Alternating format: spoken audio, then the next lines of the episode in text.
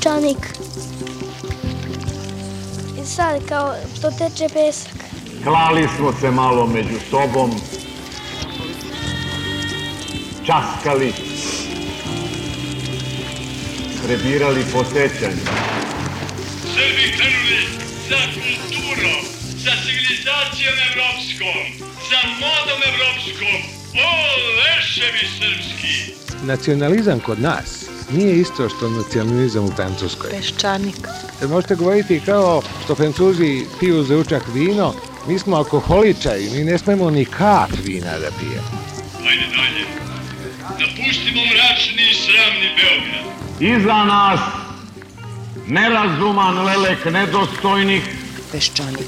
ispred nas ciljevi uzvišeni. Ovdje ljudi još uvijek masovno misle da socijalizam nije tako rđav. Može, treći put vodi pravo u Afriku. Ekonomski uvek, ako hoćemo tamo, onda smo na pravom putu. Iznad nas zver koja nas vodi putevima gospodnjim.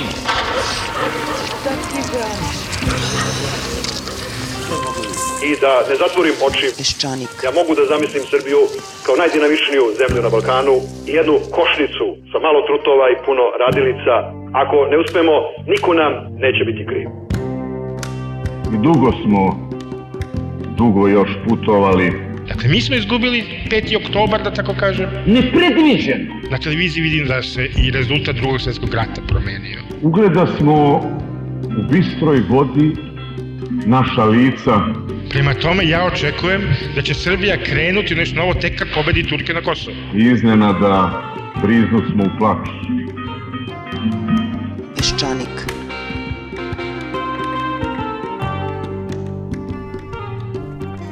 Dobar dan, nadam se da će malo vas danas slušati ovu emisiju, da ćete biti tamo gde nam je danas i mesto. Okupit ćemo se izgleda privatno da se podsjetimo šta se njemu i šta se nama dogodilo prošlog 12. marta. Naša vlada, tačnije naš novi predsednik vlade, ne smatra da se prošle godine na ovaj dan za Srbiju desilo nešto toliko značajno da bi naša država organizovala podsjećanje na ubistvo prvog demokratski izabranog premijera u poslednjih 100 godina u Srbiji. Dobro, onda ćemo sami danas. Danas ćemo mi glumiti državu Srbiju. Mi ćemo se umesto države Srbije, naše otačbine, sećati jednog njenog građanina, Zorana Đinđića.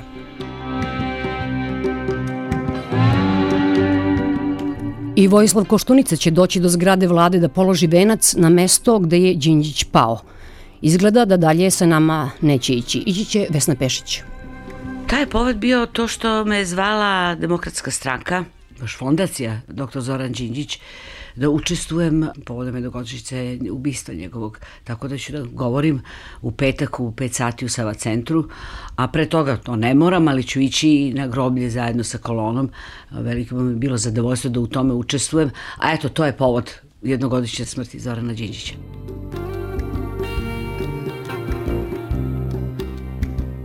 Naravno imam utisak da i dok je Zoran bio živ, da su e, njegove kolege, da kažem političari i ovi drugi, imali jednu zavist prema njemu, e, jer on je bio zaista varednih sposobnosti, I ono što mislim da je verovatno najviše e, izbezumljivalo, da tako kažem, njegove protivnike, je bilo to što Zora nije nikad nikoga napadao. On uopšte nije učestvovao u tom jednom načinu komunikacije, što mi zovemo mržnjom.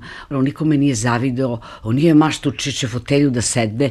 I mislim da je to posebno iritiralo određene ljude i mnoge ljude, zato što on prosto nije bio zlopamtilo zato što mislio, on je stalno sebe poopštavao u nekakvoj argumentaciji, a nije išao lično. On je uvek, kako je govorio, govorio o nekakvom problemu.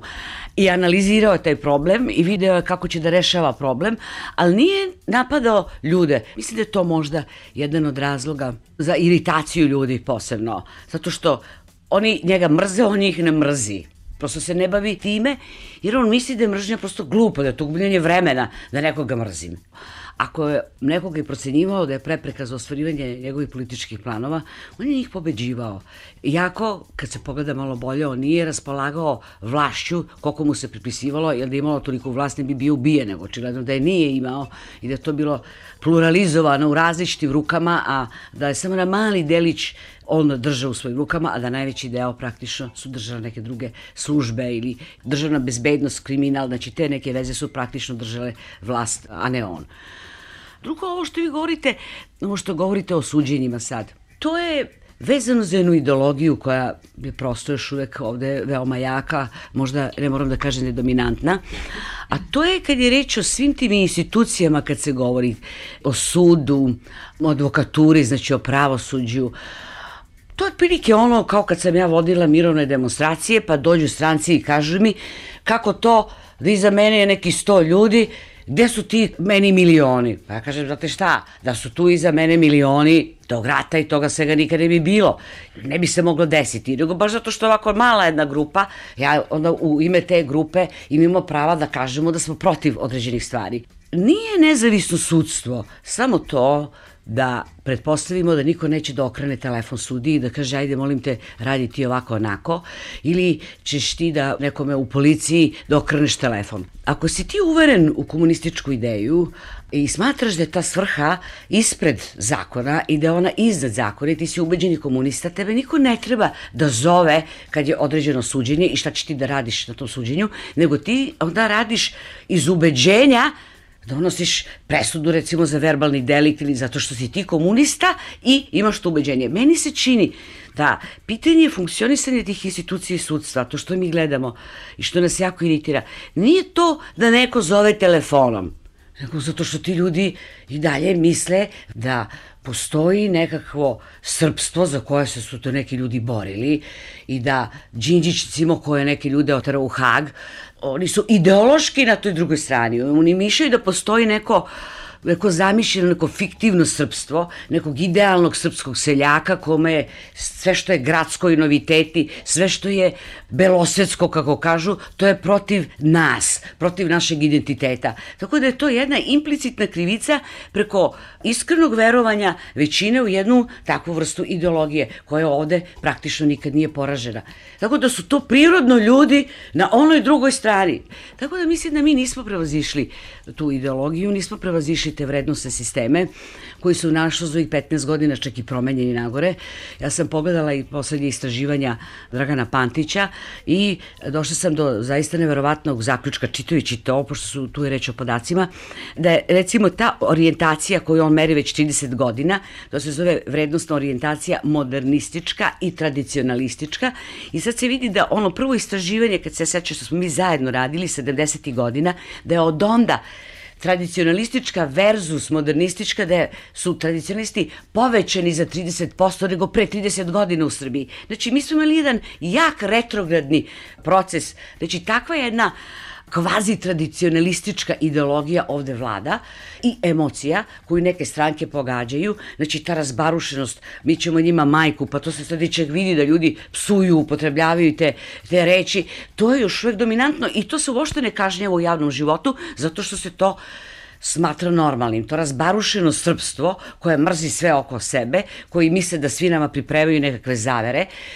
ta ideologija još uvek vredi i zato imamo sada taj fenomen da su u stvari spontano i te institucije, znači nije sudija nezavisna tako što te ne zove telefonom, nisu ni u komunizmu ni zvali telefonom, nego ubeđeni komunista, tako su oni sada prihvatili jednu ideologiju identiteta, mentaliteta koja još uvek vlada i spontano onda na taj način oni koji su žrtve i koji su bijeni pretvaraju da su sami sebe ubili.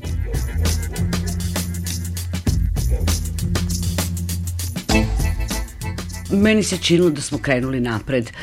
Ja sam čak izjavljivala da mi se dopada vlada Zorana Đinđića, mislim da ona najvećim delom i bila dobro sastavljena Imala je nekakve šupljine, ali to je bila posledica tog konglomerata.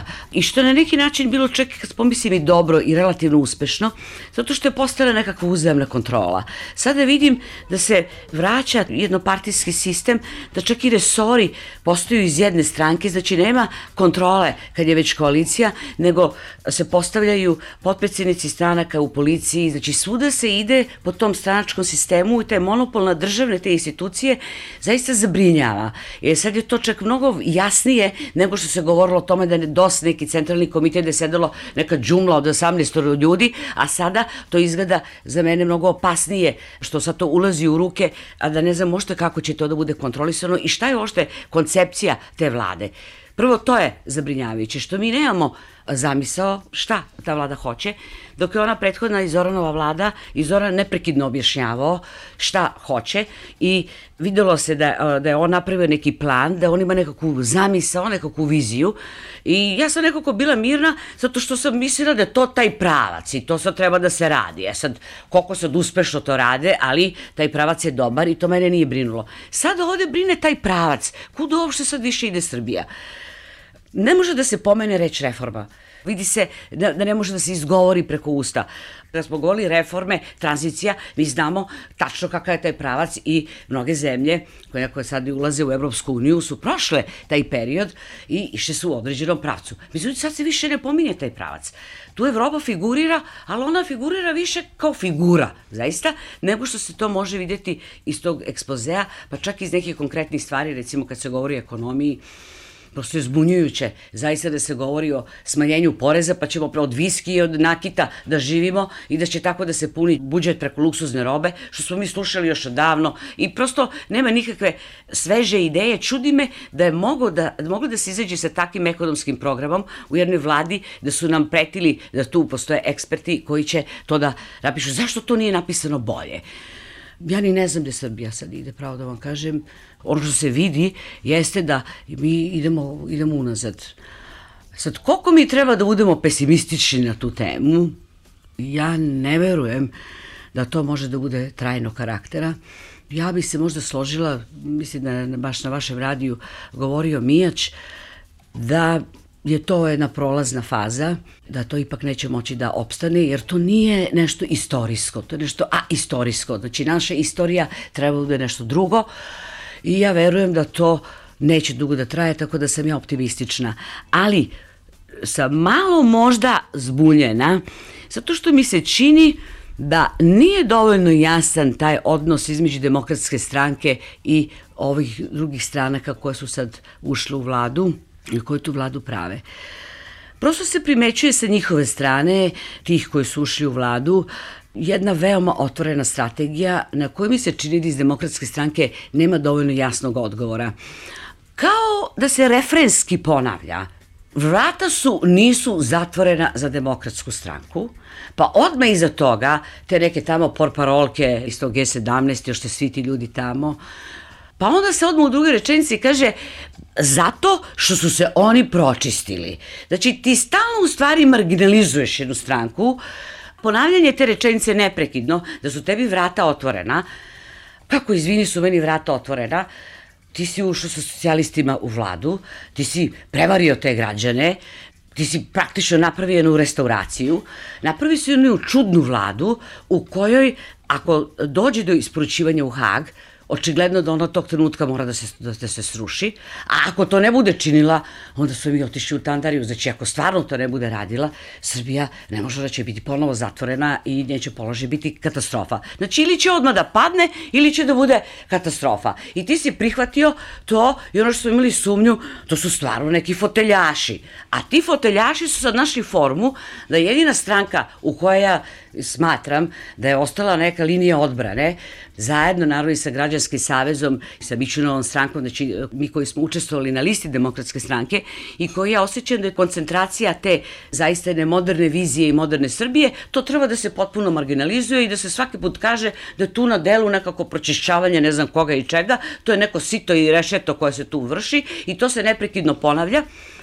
A opet, iz demokratske stranke, po mojom mišljenju, nema dovoljno jasnog odgovora na jednu takvu opasnu marginalizaciju koju oni neprekidno primenjuju. Da ne kažemo ono da se pominje stalno, narod je glasao protiv vas. Mislim, a niko nije otvoreno kazao da praktično oni koji su tražili izbore i javno obznanili svoju pobedu, to je DSS i G17, to su oni izgubili izbore.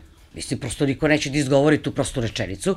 Jedni su računali da će imati 85, Demokratska stranka Srbije, ovi su računali sa milion glasova, sa 50 i ne znam koliko. Znači, oni su računali, nisu ni računali ni na socijaliste, nego Vuka Draškovića. Oni su računali da oni imaju glat pobedu i da oni su rušili vladu i da oni dobiju te izbore. Oni su raspisali te izbore, oni su to tražili. Na kraju šta su radili? Oni su pandrknuli Pardon, i oni su izgubili te izbore. I onda mi nismo znali šta ćemo, jer su oni izgubili izbore.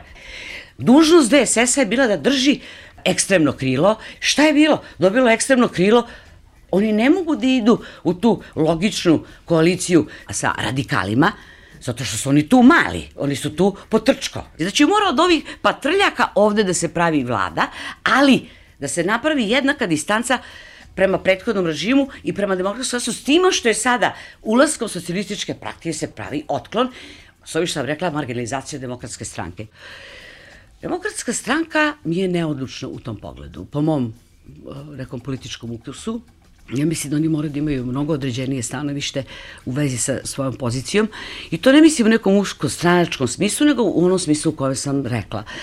Stranke nisu nekakve privatne stvari, znači tu mora da se sada vodi jedna veoma principijelna borba Znači, na kom si putu, ti si na tom putu, ti radiš to, ovde mi povlačimo liniju, znači, mi nismo usamljeni, nego smo linija odbrane od onoga što ti radiš. Znači, ja tebi kažem, ne, ne prozivaš ti mene, nikakav ti vrata ne otvaraš, nego, za šta, ja tebi ću takav vrata da zalupim i slušaj, ja radim za to da dođem na vlasti, da, da se borim protiv tebe, zato što ti vodiš unazad i čini mi se da to nije dovoljno jasno rečeno, da se to ne ističe dovoljno jasno i mislim, to me zabrinjava. To nije reč o sukobu, veštačkom sukobu da se ja s nekim svađam. Pa izvini, što s tobom što da se mirim? I šta ti sad tu uopšte hoćeš? Znači, ja bi bila tu mnogo određenija i to mi malo nedostaje nekako kao da nije uhvatila i na toj skupštini napravila jedan jasni pravac kretanja šta će ona da radi. I kao da je još uvek u nekakvom premišljanju i to je vidljivo.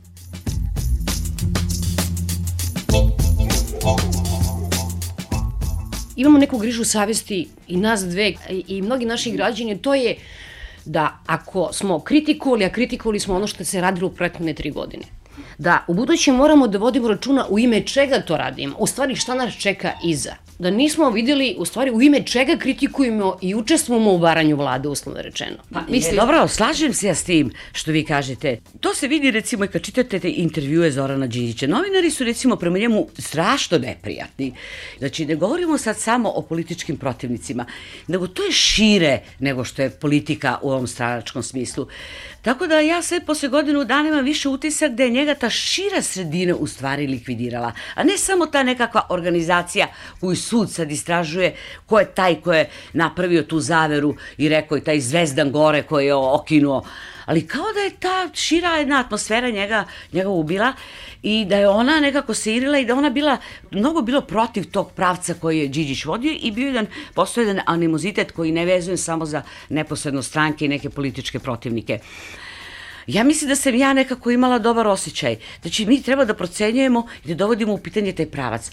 A sigurno da je taj rastur naš toliko dubinski i da mi ne možemo da očekujemo da će tu da proceta odma prvo standard života, svi ćemo odmah da živimo ne znam kako, nego naprotiv i očekujemo da ćemo da se žrtvujemo. Ako je pravac dobar, ja ću da se žrtvujem onda jedno vreme, da bude i manja plata, ali dobro, da znam da ideš tim putem, pa ću zato da se žrtvujem. Ali ako ne ideš dobrim put, dobro tim putem, I ako si negde skrenu unazad, onda znači ti i ne radiš za to da meni bude bolje, onda ću ja drugčije da se postavim.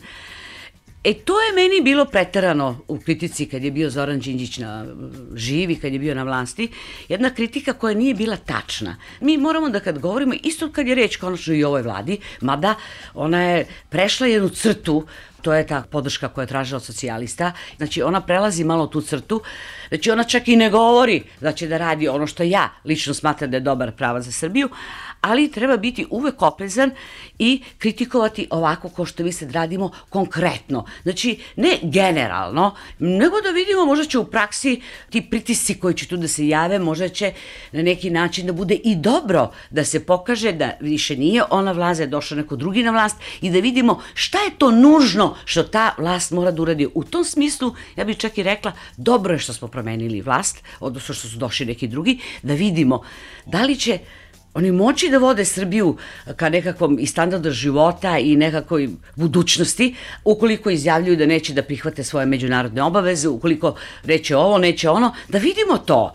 Pa, kad jedan put građani to iskuse, kroz to ćemo onda da učimo i da vidimo da ne treba ovde svaki dobar pravac da bude prosto prokazan. Sad ćemo da vidimo na delu koji je to stvarno pravac i da onda posle toga bude i ta politička borba nešto objektivnija, da se tu građani onda ne rukovode samo nekakvom emocijom 3 dinara hleb, ne znam, naše će trupe sutra biti na Kosovu i držati celo Kosovo i da mu pogađa nekakvu emociju. E sad ćemo da vidimo kad to prođe. Eto u tom smislu ja mislim da stalno treba da gledamo da li se drži taj pravac koji smo mi očekivali smenom režima kako ćemo mi dalje da idemo ili to neko će da uče zaista poteze ozbiljno unazad, da ćemo mi krajnje da se zabrinemo. Ali još uvek je ovo samo jedna rasprava na nivou principa, a kroz koji mesec će ona biti mnogo konkretnija.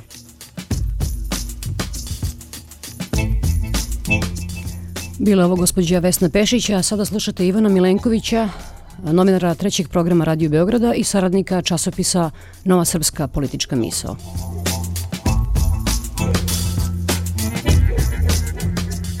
Gotovo da sam srećan u jednoj ravni što ovaj tekst nije, nije objavljen, jer napisao sam ga valjda dva dana posle njegove smrti, gde sam priznao da sam sramno, eto tako, plako. Mislim, ona tri dana posle njegove smrti su bila najmučnija tri dana koja ja pamtim. I ovaj, onda sam napisao ovaj tekst koji na, ajde da kažem, na svu sreću nije, nije objavljen, ali tu, eto, priznam da sam, da sam se razbio od plakanja. Kaže, o Đinđiću se može kazati mnogo toga, ali najde bio kukavica, glup i čovjek bez duha. Taj se duh i ta pamet nisu mogli, nisu smeli prevideti, čak i kada smo ga grdili, kada smo bili ljuti na njega, kada nas je nervirao nedovoljno promišljenim improvizacijama i opasnim potezima. Zato sam volao da čujem Đinđića, volao sam da čujem pamet kako radi. Ako već morate da progutate gomilu žaba, počite s najvećom. Volao sam njegove otvorene, ali ne i cinične izazove na koje čak ni najlucidniji kritičari nisu odgovarali. Umeđu vremenu zauzeti potragom za suštinom stvari, koja se, kao što nam je poznato, vazda krije negde u dubini iza onoga što se kaže ili radi. A on im je umeđu vremenu, što reče Vesna Pešić, pravio malu decu. I posle da ima neki patetični delova koje bih ipak da preskočio. Mislim, mogu, da, mogu vama da čitam posle. Čitajte radio na b92.net. Peščanik. Repriza subotom od 16 do 17.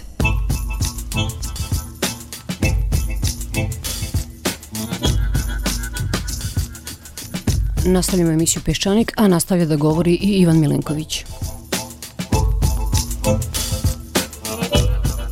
Čini mi se, ako gledamo nešto razvijenije demokratije, meni se čini da ta dubina čišćenja e, nije zapravo nešto tako neobično. Evo samo pozvaću se na ovaj poslednju, poslednje postavljenje u Francuskoj kada je Širak e, postavio Rafarena za, za predsednika vlade. To je zaista bilo jedno dubinsko čišćenje od svih Žospenovih jel, ostataka. On je zatrt. E sad, naravno, svaka analogija sa Zapadom ovde kod nas pada, zato što su ovde mnogo zločudnije stvari u pitanju. Ja se plašim da je e, ovo zatiranje tragova prethodne vlade pomalo na onom tragu Koštuničinog ličnog obračuna sa, sa Đinđićem i sa, ne samo sa Đinđićevom, nego i sa Živkovićevom vladom. Koštunica kao stvarno pokazuje priličnu dozu neuračunljivosti, ako tako sem da kažem. Mislim, on je naprosto morao da zna da će ova vlada ovakva kakva je. A ja mislim da je ipak bolje što je uspeo da sastavi vladu nego da smo došli do novih izbora, Ali dakle, on je naprosto morao da zna da će ova vlada odmah biti dočekana sa svih strana na nož i pre nego što oni, dakle ministri i on uđu u tu zgradu. I uprkos tome, on pravi samo doliva ulje na vatru, mislim, tim postavljenjima Dakle, on je postavio Stojkovića, za koga uzgled bude rečeno, ja uopšte ne mislim da će onda da napravi neku mnogo veću štetu nego što je to pravio Batić, niti mislim da će onda bude nešto strašno gori od njega.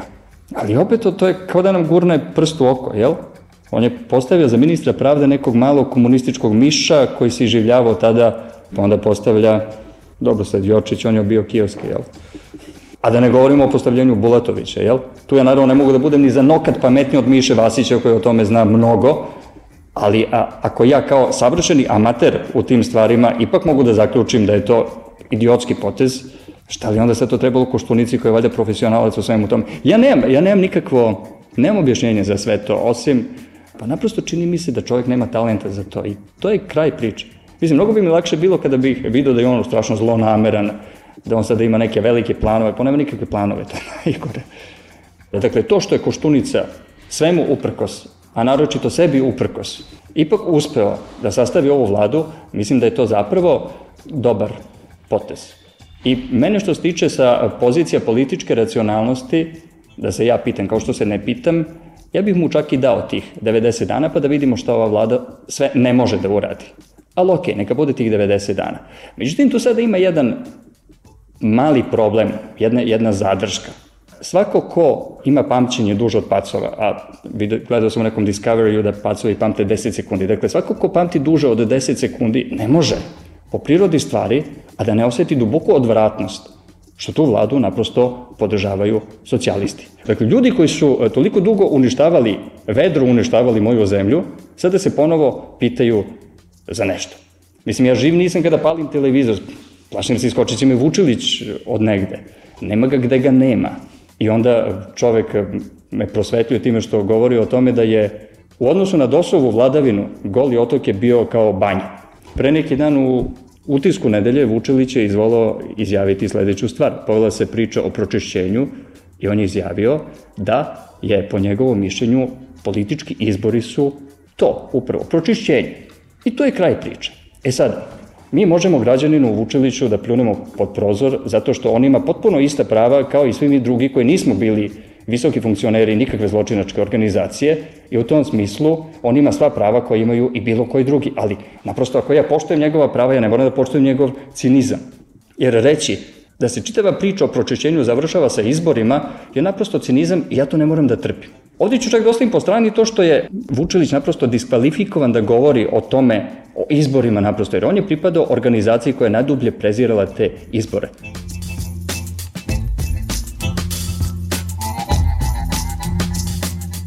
Čitava ta priča o tome da Đinđić je sposoban čovjek, ali nije državnik, pa počela je, čini mi se, otprilike, kada su počeli da porede njego, njega i Koštunicu s početka do svoje vlasti, ali ja priznam da meni do dan danas nije baš jasno šta to znači biti državnik i ne biti državnik, a biti sposoban političar. Dakle, ta sposobnost za veću igru od lokalnog trange frange Đinđić je imao, a ako to nije dokaz da on jeste bio čovek državničkog formata, pa onda ja zaista ne znam šta je, niti znam onda ko jeste državničkog formata bio i jeste, ako ne on. Za razliku od njega, ko ovde zapravo ima bilo kakvu stratešku moć mišljenja. Gledali smo Koštuničin e, ekspoze, Nažalost, s pravom mu Tadić prebacuje da je to bilo mlako i bez strateških momenta. Čak i preko Štunice je Maršićeni na to pitanje šta ćemo da radimo sa svetom rekao pa svet će morati da se privikne na realnost. Čini mi se da je tako nešto rekao, to je zapravo rečenica koju smo od socijalista slušali 13 godina. I to je ono što je stvorilo jako mučan utisak, barem kad sam ja u pitanju. Ali mislim da u izvesnom smislu ta međunarodna zajednica brine više o nama nego što mi brinemo o sebi. Imam utisak da oni nama neće dopustiti da propadnemo, pa sve i da hoćemo svim silama to da radimo, svesno ili nesvesno. A to je tako tužno. Stalno se uzdeš u nekog drugog, mislim da stalno te vuku za uši, stalno te moljaka neko. Mislim, nemaš samo svest, ajde uradi nešto za sebe. Ajde, nemoj da truliš, ajde, stalno te... Ne znam, to je tako ponižavajuće u stvari. E pa da, eto gde nam fali Đinđić.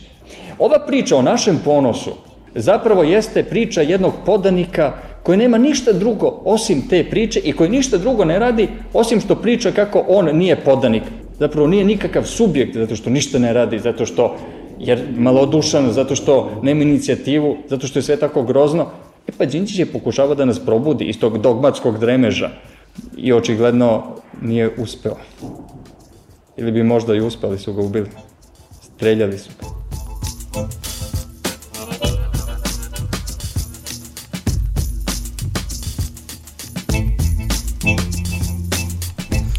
Bio ovo Ivan Milenković, a sada slušate advokata gospodina Srđu Popovića.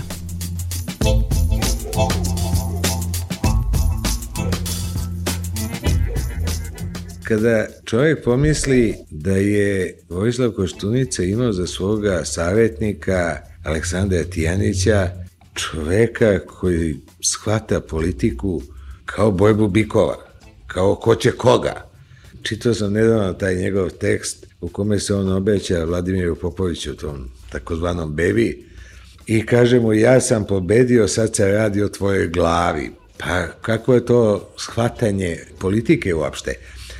Kad pomislim da je Koštunica trpeo, bio za svog savjetnika Tijanića, za koga se zna kakva ima shvatanja, onda me ovo već malo manje čudi. To što Koštunica ima jedan e, uspavani temperament, uopšte ne znači da je on benigan političar.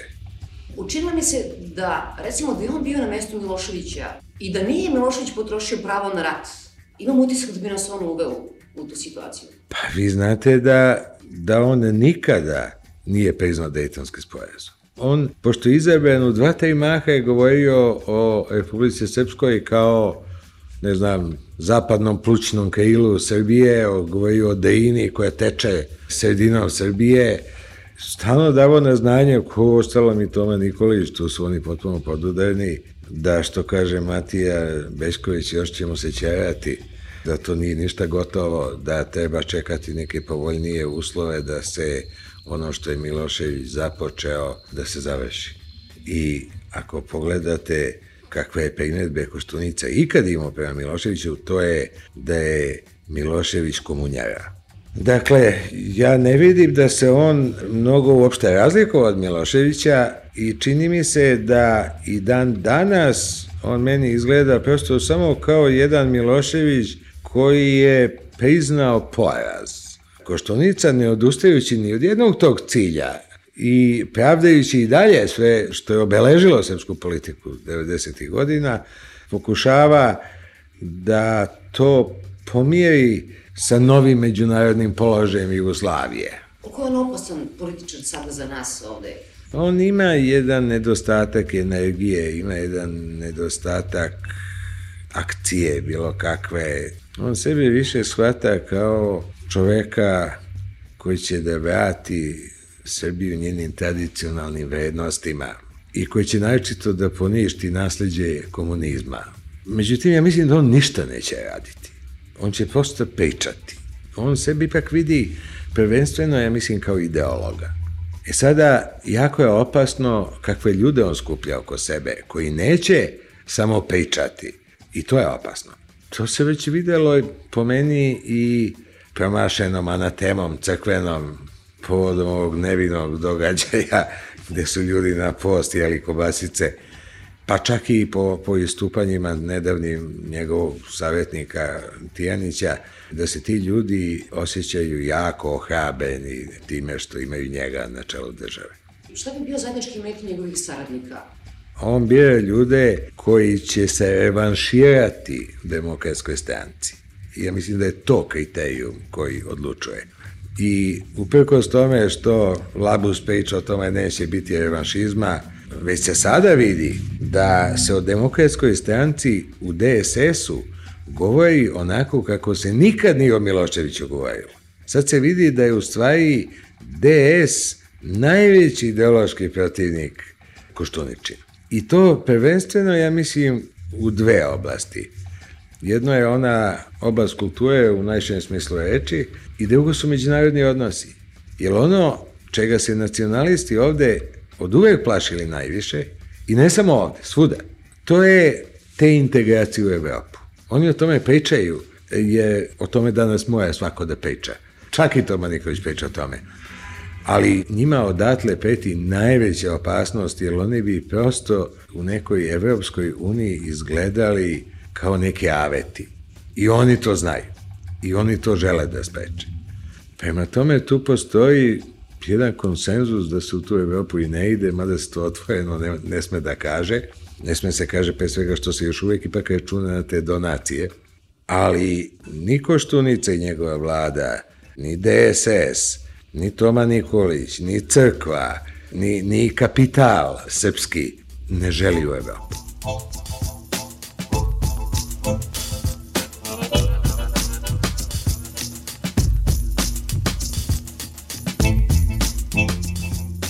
A što se tiče dvostrane saradnje, uopšte ne znam šta bi to trebalo da znači. Mi ćemo njima da izručujemo ratne zločine, a oni nama Clintona ili kako to, ja mislim, to je jedno tako mogu zamisliti, ne, ne, da se trampimo. mi da sudimo Solani, a oni nek sude Mladiću. Valda tako nekako. To je totalna besmislica, ne znači apsolutno ništa. I jedna je od tih njegovih teško pronađenih formula da se ne kaže ono što ono stvari misli.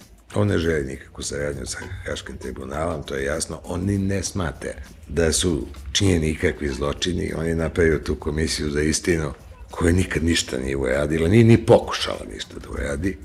Njegove sve izjave o, o Haškom tribunalu, ne treba da ih ponavljam, ja sad, mislim, ta deveta čuvena rupa, isto mu se stomak preveći i sve to, nije nikad objašnjeno.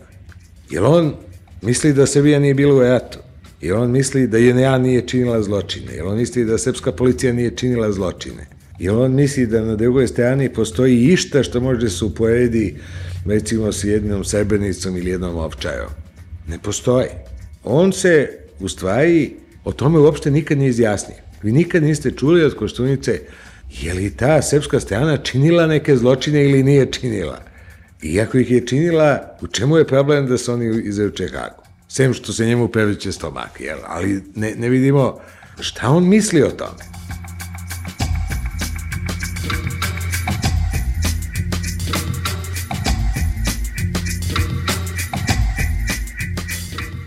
On osjeća, to je moje mišljenje, da je on u svakodnevnoj političkoj operativi potpuni diletant. I da uopšte ne bi znao šta treba da radi. On, on zna šta treba da govori, a on nema pojma šta treba da radi.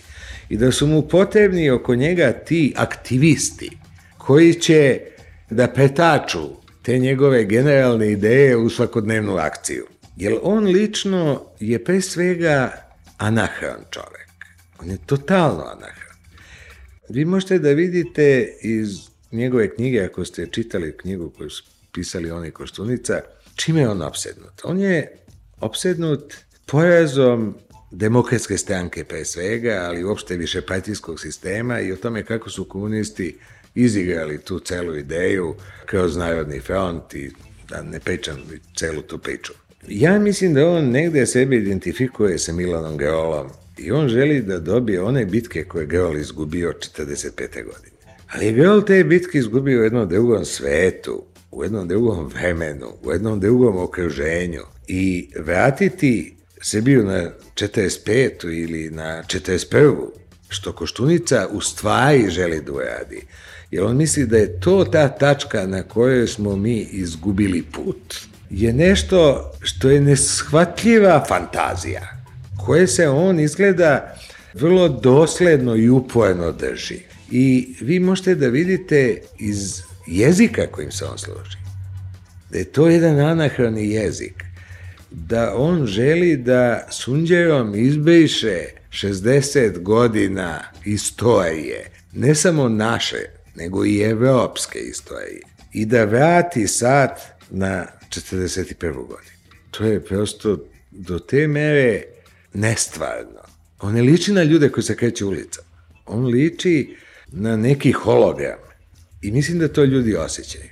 I ta njegova sumojena projekcija, ta njegova uspavanost i ta njegova neodređenost i nedorečenost večna, mislim da je, da je u jednom trenutku kada mi treba da nadoknađujemo vreme koje smo izgubili fatalna za ovu zemlju. Mi ako izgubimo još 3-4 godine, mi ćemo ostati stvarno u poređenju i sa istočno-evropskim zemljama u jednom zaostatku koji može da nas prati decenijama. On ništa od toga uopšte ne vidi. I on misli da bi ovde u stvari trebala da bude 41. I nikakav mu to nije problem.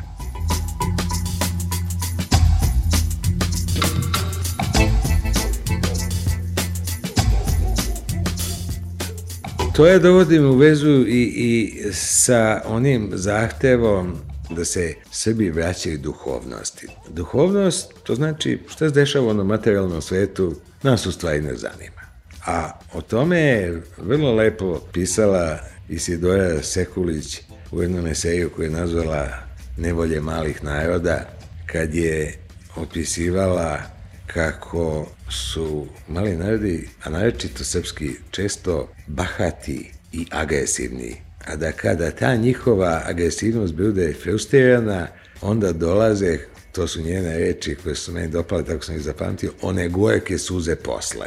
Prvo pretimo svima, prvo mlatimo svakog kog stignemo, pa kad se pojavi neko jači, mi se odjedan put setimo duhovnosti. Ništa to nas u stvari ne zanima, naše je carstvo nebesko, mi smo nacija okrenuta duhu. I to u, u trenutku kada bi se zahtevala nadčovečanska energija da se iz ove crne rupe izvadimo, oni nam kažu ne, sedećemo ovde, baš nam je dobro i ovako ćemo duhovno se zamišljavamo i u stvari to je jedan superioran stav u odnosu na tu plitku, materialističku kulturu koju nam nude sa zapada. Kao karikaturalni oblik toga, ova izjava koji je dao ministar Jočić, kad su ga pitali da li ste vi gospodinu Jočiću obijeli kioske, on je rekao, pitate za kioske, a gori Hilandar. Da bome, duhovnost je važna. Tako je, mi se bavi, bakćemo glupostima, što smo postavili lopova za ministra policije, a u stvari gori Hilandar. Sada se zauzima jedna ptičja perspektiva iz koje se to gleda sine take visine da u stvari sve to i nije važno. Miće Danilić kaže, možda je čak i dobe što smo ovako nastradali. Kao nešto ćemo sad naučiti, a ne vidim da išta učimo.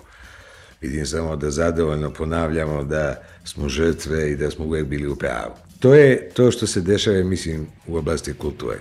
Toga će da bude. Toga popovskog zapomaganja, umesto da se krene se nešto uradi.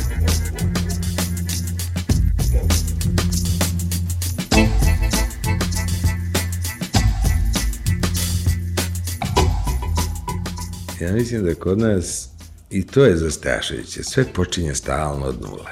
Svako ko zameni neki režim smatra da sve što je bilo pre njega nije valjalo ništa, sad će on da postavi prave koordinate u kojima treba da živimo.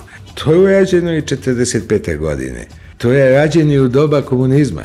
Ja mislim da je jedan od razloga zbog kojih se Jugoslavija raspala je i bio taj što komunistički režim nije mogao da shvati da je jugoslovenska ideja starija od, od komunističke Jugoslavije. Tako da, kad je pukao taj režim, pukla i Jugoslavija. Jer se slavio 29. novembra, a nije mogao se slavi 10. decembar. To sada rade i ti koji skidaju Đinđića sa, sa sajta vlade.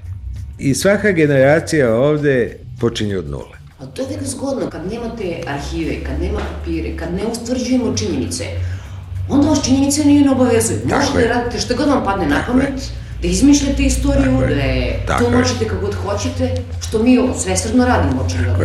U toj atmosferi u kojoj se ništa ne pamti, svako osjeća da može tako reći sebe da stvara iz ničega svakog dana. A niko to niti preverava iz tog istog razloga, što ovde ono što je prošlo nema veze. Vi možete da čujete od običnih ljudi kad, kad mu pomenete nešto šta se događalo pod Miloševićem, neću na to ni da mislim, pa to je sad gotovo, to je prošlo. Ne shvatajući da vaša prošlost određuje vašu sadašnjost. Vi ne možete misliti o svojoj sadašnjosti ako neiste ništa znate o svojoj prošlosti. Ne znate ni, ni odakle ste pošli, ni kuda idete, pa naravno nigde nećete stići. Razgovaram s nekim prijateljima za koje sam znao da su bili komunisti, stvarni komunisti, pravi komunisti. I pita mi, dobro, jel to mene zbunjuje? Živjeli smo 50 godina u jednom režimu u kome je vladao marksistički pogled na svetu i onda odjedan put više niko nije komunista i više niko nije marksista, protiv čega ja nemam ništa protiv, ali da ne bismo izgledali koludaci, objasni mi kako si iz tačke A došao u tačku B, samo mi kaži šta si to shvatio, šta je to bilo pogrešno, kad si to shvatio, kako smo stigli od onoga do ovoga, mi smo nekako teleportovani, svi bez sećanja ikakvog o svom prethodnom životu. Mi svi počinjemo ko da imamo, koliko imamo 2000. Ko da imamo četiri godine. Eto, mi imamo četiri godine. Jer sve iskustvo koje smo dotle stekli niti služi nečem, niti je stvarno asimilovano. I ja mislim da je to ono što na jednom drugom planu ljudi kažu kada govore da ovi narodi ovde stvaraju više istorije nego što mogu da konzumiraju. Mi stvarimo događaj, mi ne stvarimo istoriju, mi stvarimo događaj koji ne znači ništa, nikome. nego juče smo stvarali one događaje, danas stvaramo ove događaje. Kontinuiteta nikakvog nema, smisla nikakvog nema, naučili nismo ništa.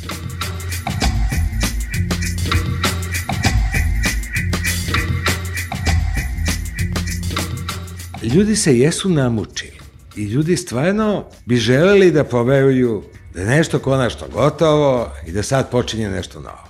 I ne vole kad im kažete čekaj, čekaj, ništa nije gotovo. Ali vi ne možete da živite dalje dok ne razumete šta ste živeli. To prosto nije moguće.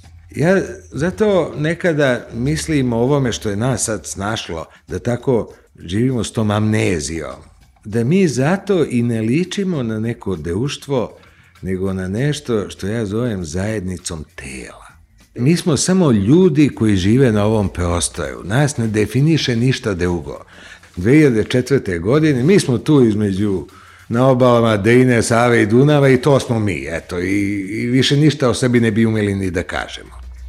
Mislim da, da je teško suočiti se s onim što smo prošli i teško je e, stvarno to pokušati razumeti. I, i tu ne mislim na, na moralnu katarzu. Ona bi možda bila posledica, ali mislim da čak intelektualno samo razumemo događaje. Da razumemo ko je počeo rat, da razumemo šta se htelo u tom ratu, da razumemo šta smo mi radili u tom ratu i da razumemo zašto smo bili u njemu poraženi. Mi o tome nećemo ništa čujemo. Ako nećemo ništa o tome da čujemo, nama je četiri godine. I tako ćemo živeti, kao tela. Ono što se ovde dogodilo je bilo tako strašno, da mi ne možemo više misliti da smo ono što smo bili pre toga. Nismo, mi smo nešto drugo ali ne znamo šta, jer nećemo da mislimo o tome što se dogodilo. Ako vi počinjete svakog jutra živite iz početka, ko da ste se sada rodili, pa onda naravno ne znate ni ko ste, jer vi ste ono kao što ste prošli, ono što vam je bio život, to ste vi.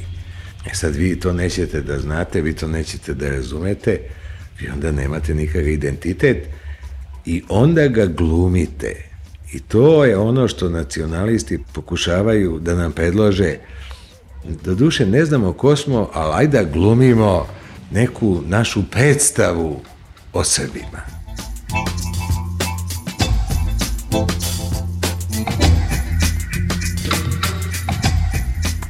Bio vas Srđeja Popović. Otišla sam kod njega da ga zamolim da za peščanik rezimira dve godine Miloševićevog suđenja. Čuli ste gde smo završili. Mišljenje gospodina Popovića o Milošećevom suđenju čućete u nekoj od narednih emisija. Čitajte radio na b92.net. Peščanik.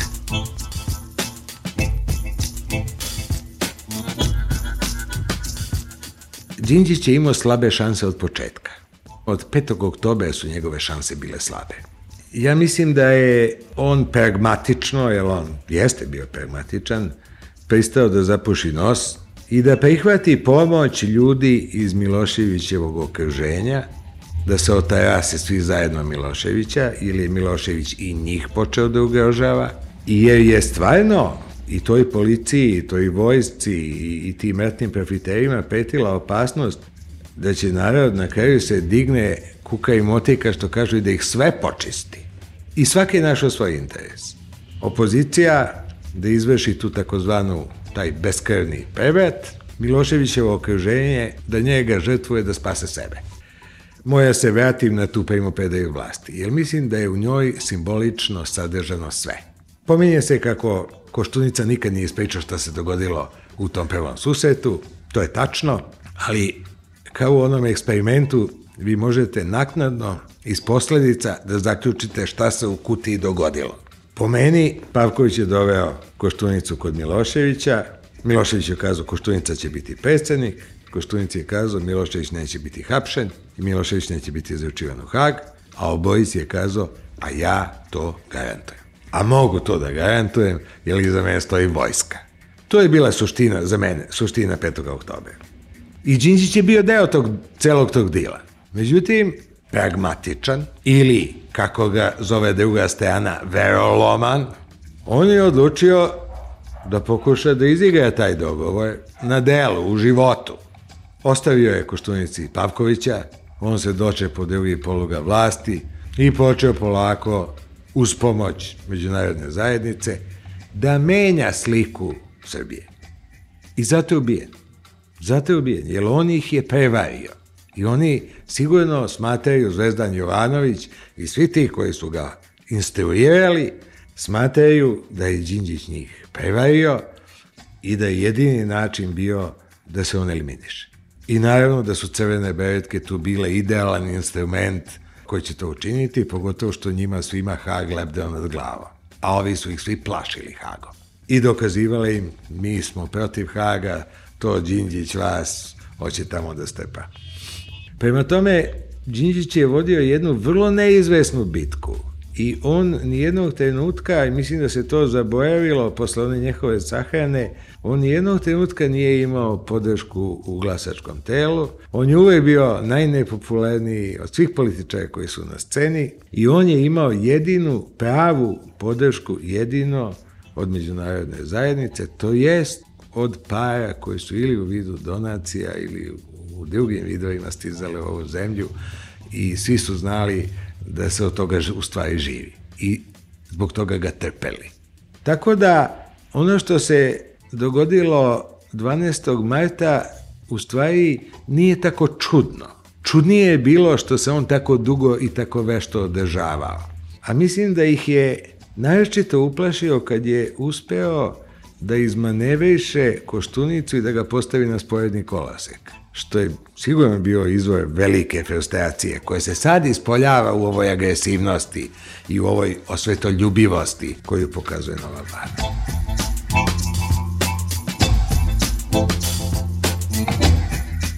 Reći da opozicija u Srbiji nije u stanju da smeni Miloševića, žao mi je, to je tačno, ali je sterilno, jer to je dokazano već 10 godina i biti pametan posle 10 godina nije neka velika mudrost. Postavlja se pitanje da li uopšte u jednoj nedemokratskoj diktatorskoj zemlji moguće da opozicione partije promene vlast. Nije moguće jer inače ne bi to bila diktatura. A dobro, gospodine Đinđiću, ja vam razumijem o čemu vi govorite, ali ne možete vi u času, kada se od vas očekuje, kada vi pozivate ljude da izađu na ulicu, kada govorite o diktatorskom režimu koji podrazumeva se, jel da, je u stanju da zgazi tenkovima nekoga, možda nekoga i da ubije. Dakle, vi zahtevate od ljudi i pozivate ljude da izađu i da ulože svoj život, a onda kažete, pa nismo mi tu, nemojte nas mnogo da gledate, ko što bi rekli gospodi iz SPO, pa izađite sami na ulicu. Ne, ne, pa... ali bih vratio temu na taj početak. Ne treba podgrevati uh, suetu uh, opozicionih lidera time što bi im se pridavala takva važnost. Neće opozicioni lideri... Vi jeste, pa, je, pa nismo među... mi srećni zbog toga što ste vi važni. Mislim, to je prosto činjenica. Uh, izdiferencirane su neke stvari, postoje To se makar desilo poslednjih meseci i to je tačno. Imate ogromnu odgovornost i da li mislite vi, ne govorimo o vama, da li s ljudima s kojima razgovarate imaju svest o tome kakav je ulog. Vi znate da ulog nikada nije bio veći. Pa ja mogu da vam kažem da je moj život u tom ulogu uh, lošije procenjen i rizičniji nego većine ljudi u Srbiji. Pa to i, vi, I, nosite, vi, ja, vi imate i privilegije ja, zbog toga, je li tako? Pa dobro, znači imam i privilegije u smislu poznat sam, u smislu pitaju me ljudi, ali s druge strane... Možete biti državnik, možete biti predsednika, mi ćemo se raditi... I mogu biti pokojnika. To je ono osjećanje neopozivosti. To je ono osjećanje nepopravljivosti. Desilo se nešto što se ničime ne može popraviti. Kada bi sutra Srbijom potekli med i mleko i kada bi ovo postala apsolutno najbolja zemlja za život na svetu i dalje se ne bi mogla popraviti činjenica da je život tog čoveka izgubljen na tako strašan i tako idiotski način. To je ona prva, onaj prvi sloj toga zašto mi plačemo. Onaj drugi sloj je naravno i to što čovek plačući za drugim uvek malo plače i za, nad samim sobom. Mislim da je sahrana, možda to morbidno sad zvuči, ali da je sahrana malo ohrabrila ljude. Prosto ljudi su se prebrojali i drugačije su se osjećali. Ali da, su, da je onih prvih dva, tri dana ljudi su mislili, bože, da li je to stvarno ono što reče neko ovih dana, vratio se Sloba iz Haga i ubio Zorana Đinđića? Da li ćemo mi da se vratimo u onaj košmar? Da li će da se vrati sve ono ono što smo nekako mogli da trpimo godinama. Ali kad se jednom to završi, mi to više ne bismo mogli da trpimo ni 5 sekundi. Ako mi ne verujemo da možemo sutra da smenimo Miloševića, pa kako ćemo ubediti te ljude koji, koji, koji u samom početku nisu sigurni u sebe? Znači ja kad kažem 10. E, jula, do kraja godine Milošević će pasti, ja sebe uverim u to da je to tačno, jer ja ne mogu da pređem 50.000 km ako sumnjam u to. i ne mogu da izađem pred kordon ako sumnjam u to. Znači, po mom mišljenju, apsolutno ja svakoga dana verujem da sledećeg dana Milošević može da padne i da treba da padne, inače ja ne mogu da radim ovaj posao koji radim.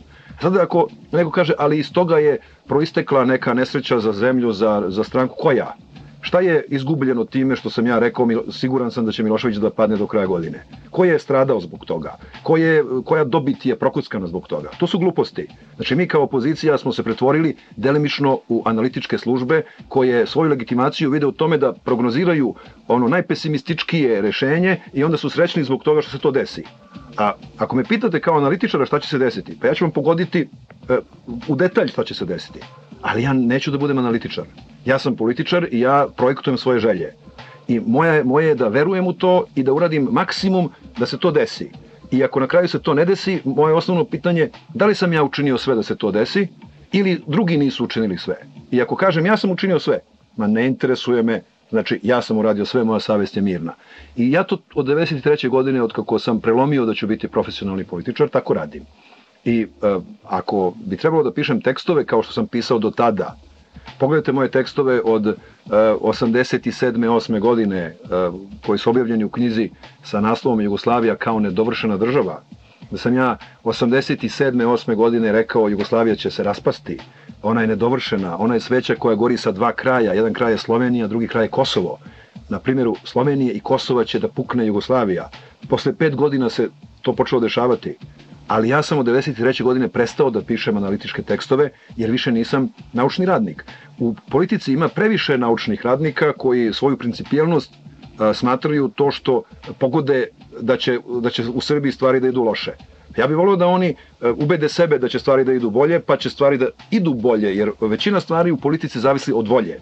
Kada bi većina ljudi u Srbiji poželela da stvari idu na bolje, stvari bi išle na bolje.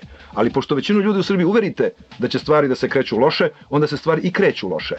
Ja se razlikujem od drugih po tome što sam, e, moj princip je, okolnosti e, ne možeš da biraš, ali svoj stav prema tome možeš da biraš. Izaberi pozitivan, aktivan stav i reci drugima da će da bude to što ti veruješ, i verovatnoća da će to da bude mnogo veća nego ako im kažeš ono što misliš da je tačno.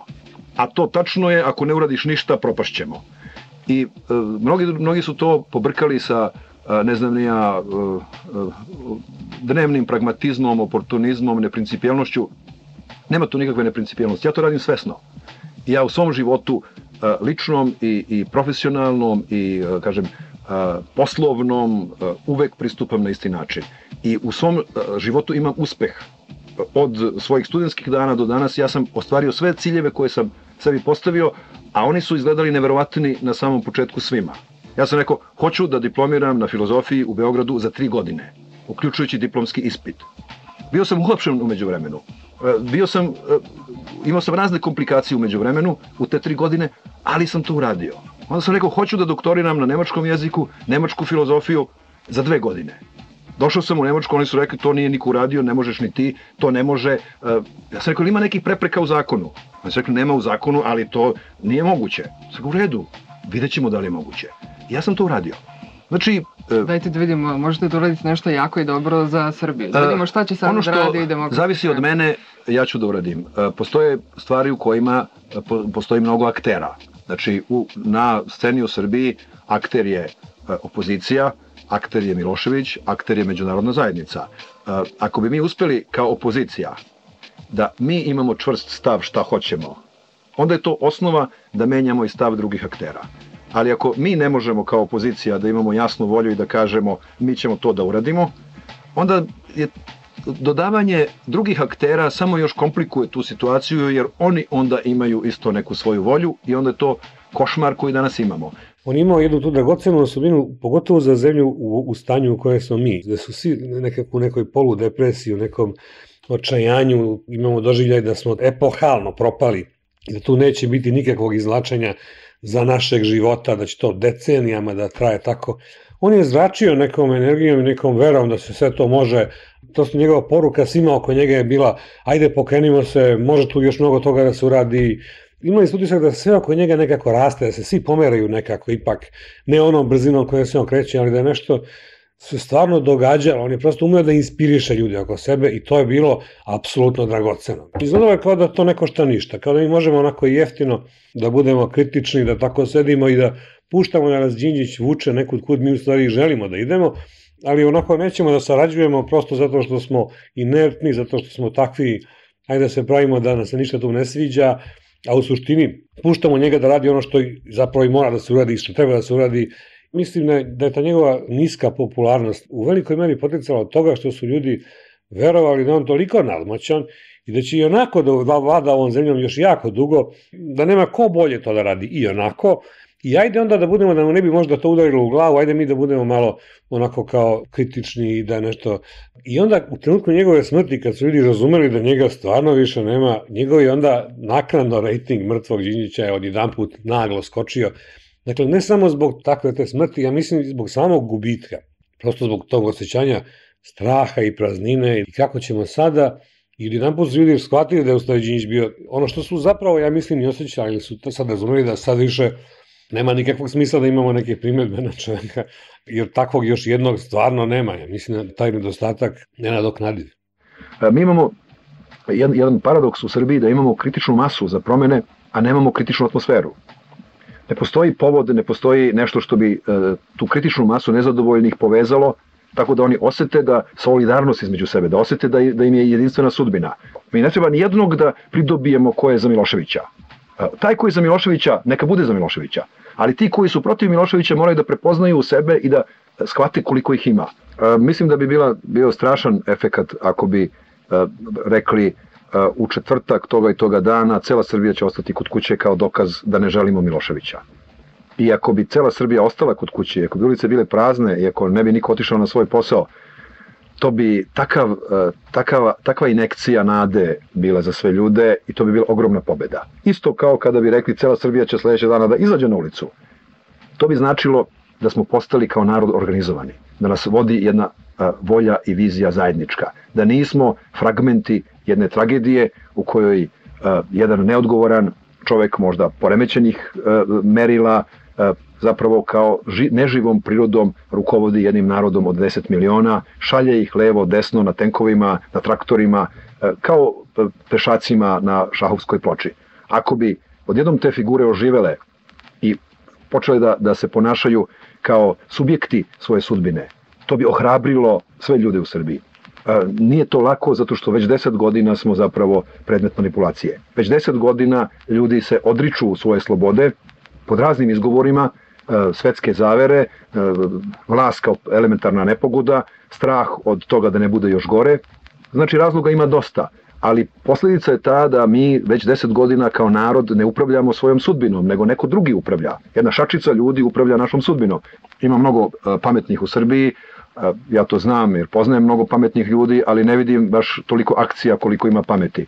Pošto sam ja praktičan čovek, ja više volim akciju nego malo pre sam rekao, nego pametne analize, e, zbog toga što e, nama u Srbiji ne nedostaje pamet, ali nam e, nedostaju rezultati pameti, to jest ne nedostaju nam akcije. Ja bih voleo da sada svi krenemo u akciju, a da budemo svesni toga da ćemo lako naći mi neko pametno rešenje ako ono što i budala vidi, a to je da Milošević mora da ide, ako se to desi. Njegova smrt je tačka na, na jednu epohu. Žalosno je da je zapravo njegovo okončanje stavilo tačku na krvava dela drugih ljudi.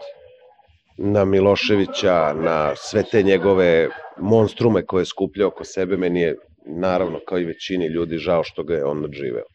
Što je Milošević nadživeo Đinđića, to je jedna velika istorijska nepravda, ali ga je možda i nadživeo da bi duže patio. To bi meni bilo neka satisfakcija, nekako poravnanje. Ali činjenica da su Legija i kompanije ratni heroji Mislim da svakom govori kakav je to rad bio. Šta smo mi zapravo kao narod radili tamo? Tačno je da sam imao jedan, na jednom času raspravu o tome da li e, je opravdano što posle drugog svetskog rata ljudi koji su se istakli u narodno-slobodilaškoj borbi su postali direktori, ministri i sve ovo drugo i da nisu toliko bile važne kvalifikacije nego upravo te zasluge. I većina mojih e, kolega je tvrdila da smo mi bili oficirska deca i naravno branili smo malo i svoje položaje.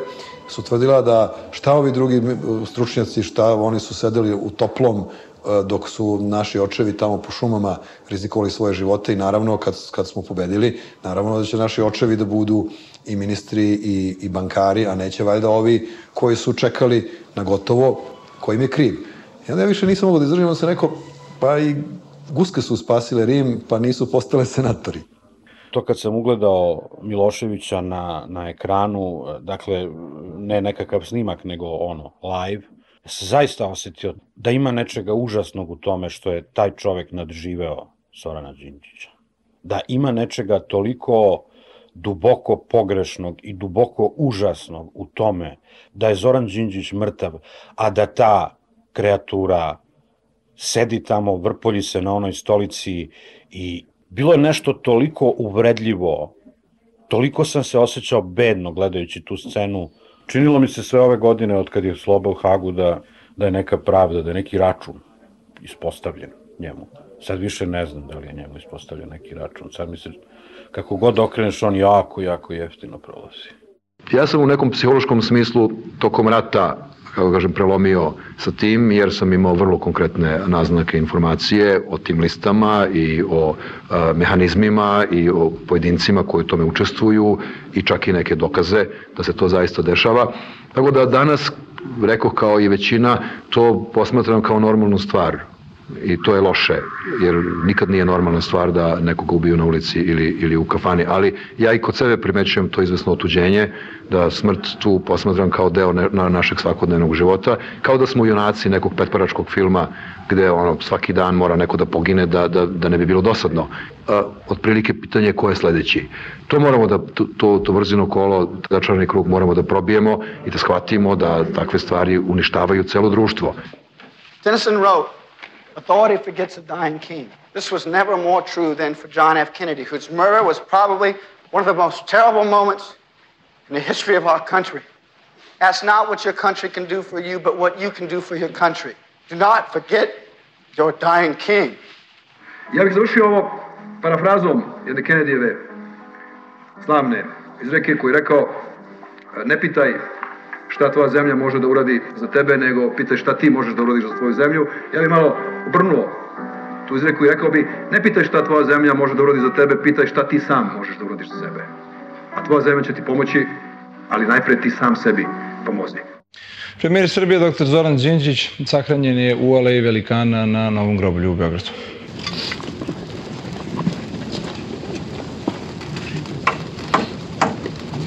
Kovčak sa telom premijera Đinđića nosili su njegovi saradnici i prijatelji Boris Tadić, Čedomir Jovanović, Zoran Živković, Zoran Janjušević, Vladimir Popović, Dragoljub Marković i Miodrag Kostić. Je bio car, on je bio laf, ali na jednom drugačijem nivou, jednom drugačijem govoru, jasno je da je doktor Zoran Đinđić, danas je svima to jasno, velikan.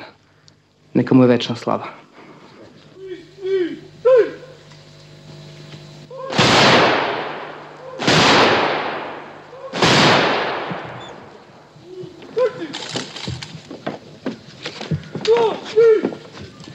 Nenad Prokić, Nedeljnik Nin. Već dugo sam se pitao šta je to još potrebno da bi Srbija konačno zavolela Zorana Đinđića. Sada znam, bilo je potrebno, posle svega, da joj ponudi na dlanu i svoje raskomadano srce. I to vam je dao, dragi Srbi, iako se takav gest toliko protivio njegovom biću. Njegova prepametna glava je i to morala da ukalkuliše zbog vaše srećnije budućnosti, znajući da je to nešto što nećete moći da prenebregnete. Pa sad vi prenebregnite ako hoćete, smete i možete. Hajde opet glasajte za kilave, korumpirane i retardirane.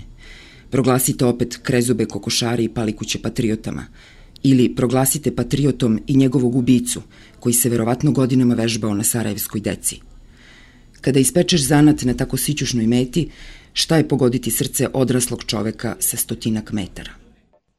Pošto smo mi jedan ovako ovaj, impulsivan narod, ljudi često i na svoju štetu rade neke stvari i umesto da u svom dvorištu vežba vožnju, on je malo vežba na autoputu. Mislim da to bi bilo preterano sada smatrati pokušajem održavanja e, moje bezbednosti. Evo, ovaj, e, meni nisu objavili da u stvari tu utakmicu koju smo igrali da sam se povredio, to nije bila baš žandarmerija, nego su bile specijalne antiterorističke jedinice. I sad bi možda tumačenje bilo da je to bio neki napad na moj fizički mobilitet, međutim naravno da nije. Kriminal se ne može deliti na dobar i loš, naš i njihov. Moramo shvatiti da je on uvek razoran po društveno tkivo i da je prirodni neprijatelj svih demokratskih institucija. Naravno da se nadam da će svi počinioci biti privedeni pravdi, a posebno se nadam da ćemo konačno svi i vlast i opozicija staviti prst na čelo i poći jasnu crtu između onoga što jeste i što nije zakonito. Tu nema mesta za kompromise i nagodbe. Ja nisam bio sasvim u toku, čitao sam novine na zadnjem sedištu, kada sam vidio da se nešto događa i čuo sam konverzaciju mog vozača i pratioca, koji su komentarisali čudno ponašanje jednog kamiona koji je prelazio iz jedne trake u drugu i video sam jednog trenutka sam podigao pogled na pola metra ispred automobila u našem kočenju i njegovom ulasku u naš, na, na našu, ovaj, naš pravac. Video sam jedan kamion sa kojim za malo se nismo sudarili, koji smo jedva zaobišli i to je bilo sve. I ja nisam iz toga mogao da izvedem zaključak koji na kraju počinje da se, da se u obrisima pojavljuje, ali ako bi se ako bi na kraju bili pronađeni dokazi da je to zaista bio pokušaj atentata, onda to zaista govori o, o, o potpuno jednoj zamračenoj svesti tih ljudi koji te metode koriste a, misleći da se u ovoj zemlji ništa nije promenilo. Ne postoji amnestija od kršenja zakona i ako neko misli da će zaustaviti sprovođenje zakona tim što će mene ukloniti, onda se grdno vara jer nisam ja sistem.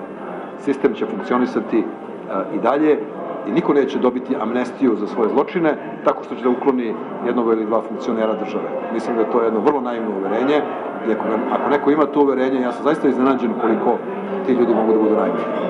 Ali sam mislila da njemu nikad neće desiti. Zato što je delovao da je u sprezi sa mafijom i da ga oni štite, eto zato. Dvomi se između toga da je hteo, znači to da raščisti, između toga da je možda tražio preveliki deo, ne znam.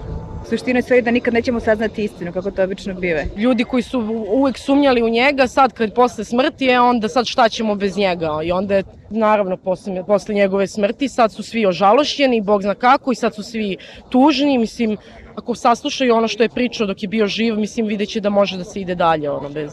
Uvek neko mora da padne za slobodu. Đinđić je čovek bio filozof, a ne čovek koji se bavi bezbednošću niti je kvalifikovan bio da proceni šta je za njega bezbedno. Ali, na onog što je rekla ova Carla Del Ponte, da on je rekao da će ga ubiti. Mislim, to je meni fascinantno, da je on se pomirio s tim da on neće preživeti. Sad se prosto ljutim na njega. Prosto da o tome nije stigao da vodi račun. Kažem, ljutim se. Ja mislim da Đinjić posthumno stoji najbolje. On je prosto poginuo za svoje uverenje. On je svojom smrću otvorio vrata više nego ikad toj opciji političkoj. E sad, naravno, gubitak je ogroman. Tačno je da bi on lično bio najbolji realizator te politike, ali on nije imao taj legitimitet dok je bio živ. Mislim, naravno da to nije bio nikakva stvarna žrtva njegova, ono, nije on odlučio da to uradi, ali je tako ispalo. Jer ljudi su reagovali tako kao da je Zoran Đinđić stvarno stavio svoju glavu u torbu i rekao, evo, ja, ja dajem glavu za ovu stvar. Ima li neko ko isto tako je spreman na istu žrtvu? nema niko. Onda je, to je malo, malo neka mitska reakcija, malo iracionalna, verovatno, mitološka, onako ne, iz nekog starijeg nivoa svesti kolektivne. Kad ljudi prepoznaju da je to sad stvarno nekakva velika žrtva koja mora da se nešto prizna.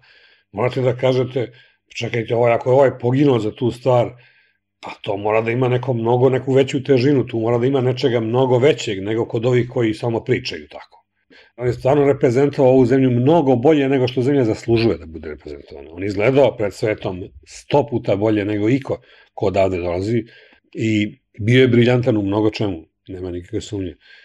U stvari trebalo da se desi neko čudo u Srbiji da bi liberalno-demokratske snage, koji tako zovemo, dobile veliku šansu i to čudo je njegovo ubistvo. Tako je, tačno se to dogodilo, tako je. To jeste neka onako skoro kao neko iz, iz narodne pesme, ono, kao pred početak bune na dahije, kad, se, kad treba se dogodi nekakav veliki prevrat, pa čekaju nekakav znak s neba. Moj cilj je da, me, da, da cene ono što radim. Znači, moj cilj nije da me vole, voli me moja porodica, moja deca i ja njih i to mi je dovoljno. Malobrojni prijatelji, sve malobrojni. Moj cilj je da ljudi uvažavaju moj rad, ako ne uvažavaju moj rad, onda on nema smisla. A, rezultati zavise od mnogih okolnosti, između ostalog i od mene. Ja mogu da kažem da ja radim kao nikad u životu, Ja dve godine nisam imao ni jednu subotu, ni jednu nedelju, sa decom nisam otišao na godišnji odmor, jedva me vidi moja porodica, možda bi mogu još i malo više da radim, sigurno bih mogao, ali mislim da imam, moji saradnici imaju problem sa tim. I to je ono što je moja dužnost. E sada od miliona drugih ljudi koji treba za sebe da urade nešto, zavisi da li ćemo svi zajedno uspeti. Ja sam rekao, ja sam narode spreman da sa vama, uh, za vas radim, ali ne mogu da radim umesto vas. Ja bih, ali ne mogu, jer naprosto jedan sistem može se menja samo ako milioni ljudi u tome učestvuju, da najpre svoje dvorište pospreme, da malo u svojoj porodici stvari oplemene, da malo na svom radnom mestu, da malo svoja znanja provetre, pročiste, I onda kad se sve to skupi na milion mesta, onda je to jedna malo bolja zemlja, pa sve bolja, pa sve bolja. Sve do trenutka kad je Vojn Dimitrijević, čini mi se, rekao srpski Kennedy je otišao, ja sam stalno mislio da je to još jedan Zoranov trik da zavara protivnike. Ne znam, nekoliko dana mi je trebalo da se pomenu s tim. Ja sam malo znao Zorana Đinđića i nemam lični odnos prema njemu, ali sam, ali sam smatrao da je dragocen ovaj čovek za Srbiju. I osjećao sam se pošamućenim, obasredištenim, uplašenim. Kaže, on je predstavljao za mene tu nadu za Srbiju i za, i za moju decu i za sve one mlade ljude koji možda ga čak i nisu ni volili, on je radio za njih. Kada su tog čoveka sklonili, kažem, jedan deo mene nestao sa tim. I sada, znate, nećete verovati, ja sam ga noću sanjao. Noću sam ga sanjao. Ispred bolnice neke me tešio što je jedan moj član porodice umro. Ja sam tu da kažem istinu. Istina je da imamo toliko para koliko imamo, pare nećemo da štampamo, e, pod pritiscima ne podležemo. Ovo je zadnja šetnja, mislim, sa njim. Ne verujem da će biti ovakvih šetnji više. Trebalo je da neko izgubi život da, bismo, da bi mnogi ljudi nešto, nadam se samo da su neki ljudi nešto shvatili. Eto. Bio je lepši svet s njim i mislim sa njegovim delom bit ćemo bolji deo sveta. Sad kad se vraćamo sa sahrane, razmišljamo i svi vidim da su utonuli u svoje misli i razmišljaju verovatno kao i ja šta će biti sada bez Zorana. Mnogi su shvatili sada šta nam je označio i tek ćemo mi to osetiti.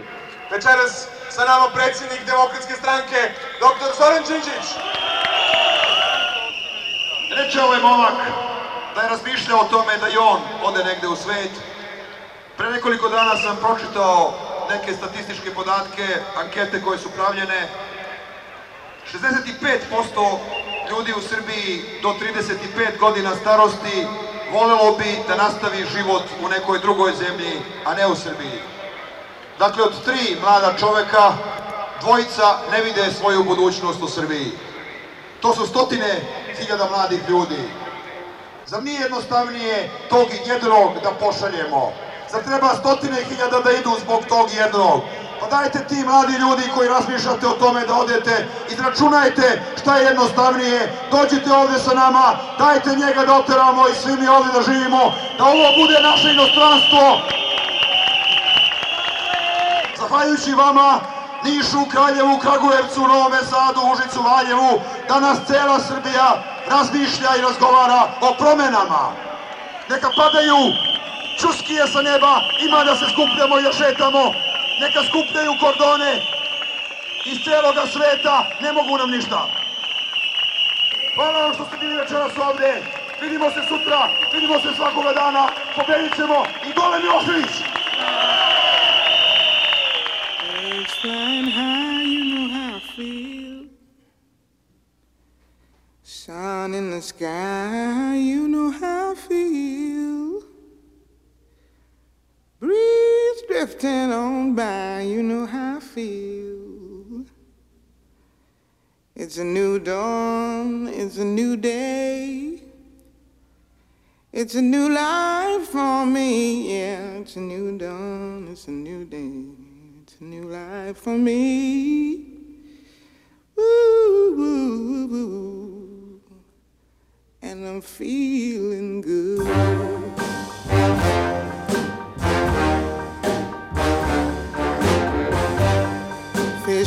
Sea, you know how I feel.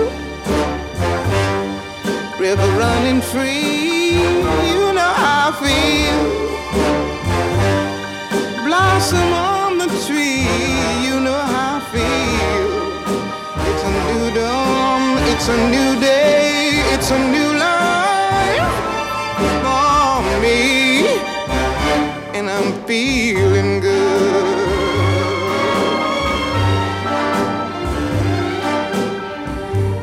Dragonfly out in the sun, you know what I mean, don't you know? Butterflies all having fun, you know what I mean. Sleep in peace when day is done, that's what I mean. And this old world is a new world and a bold world for me.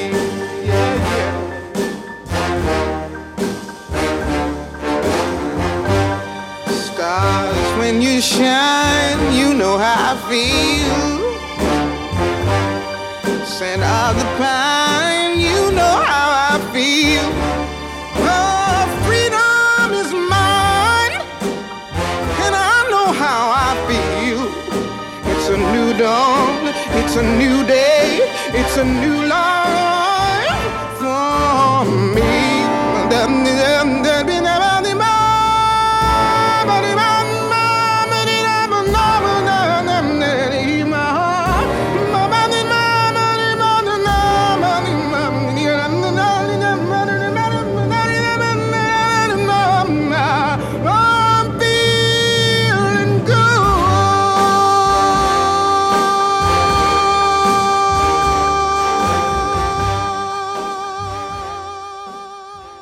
Peščanik, repriza subotom od 16 do 17.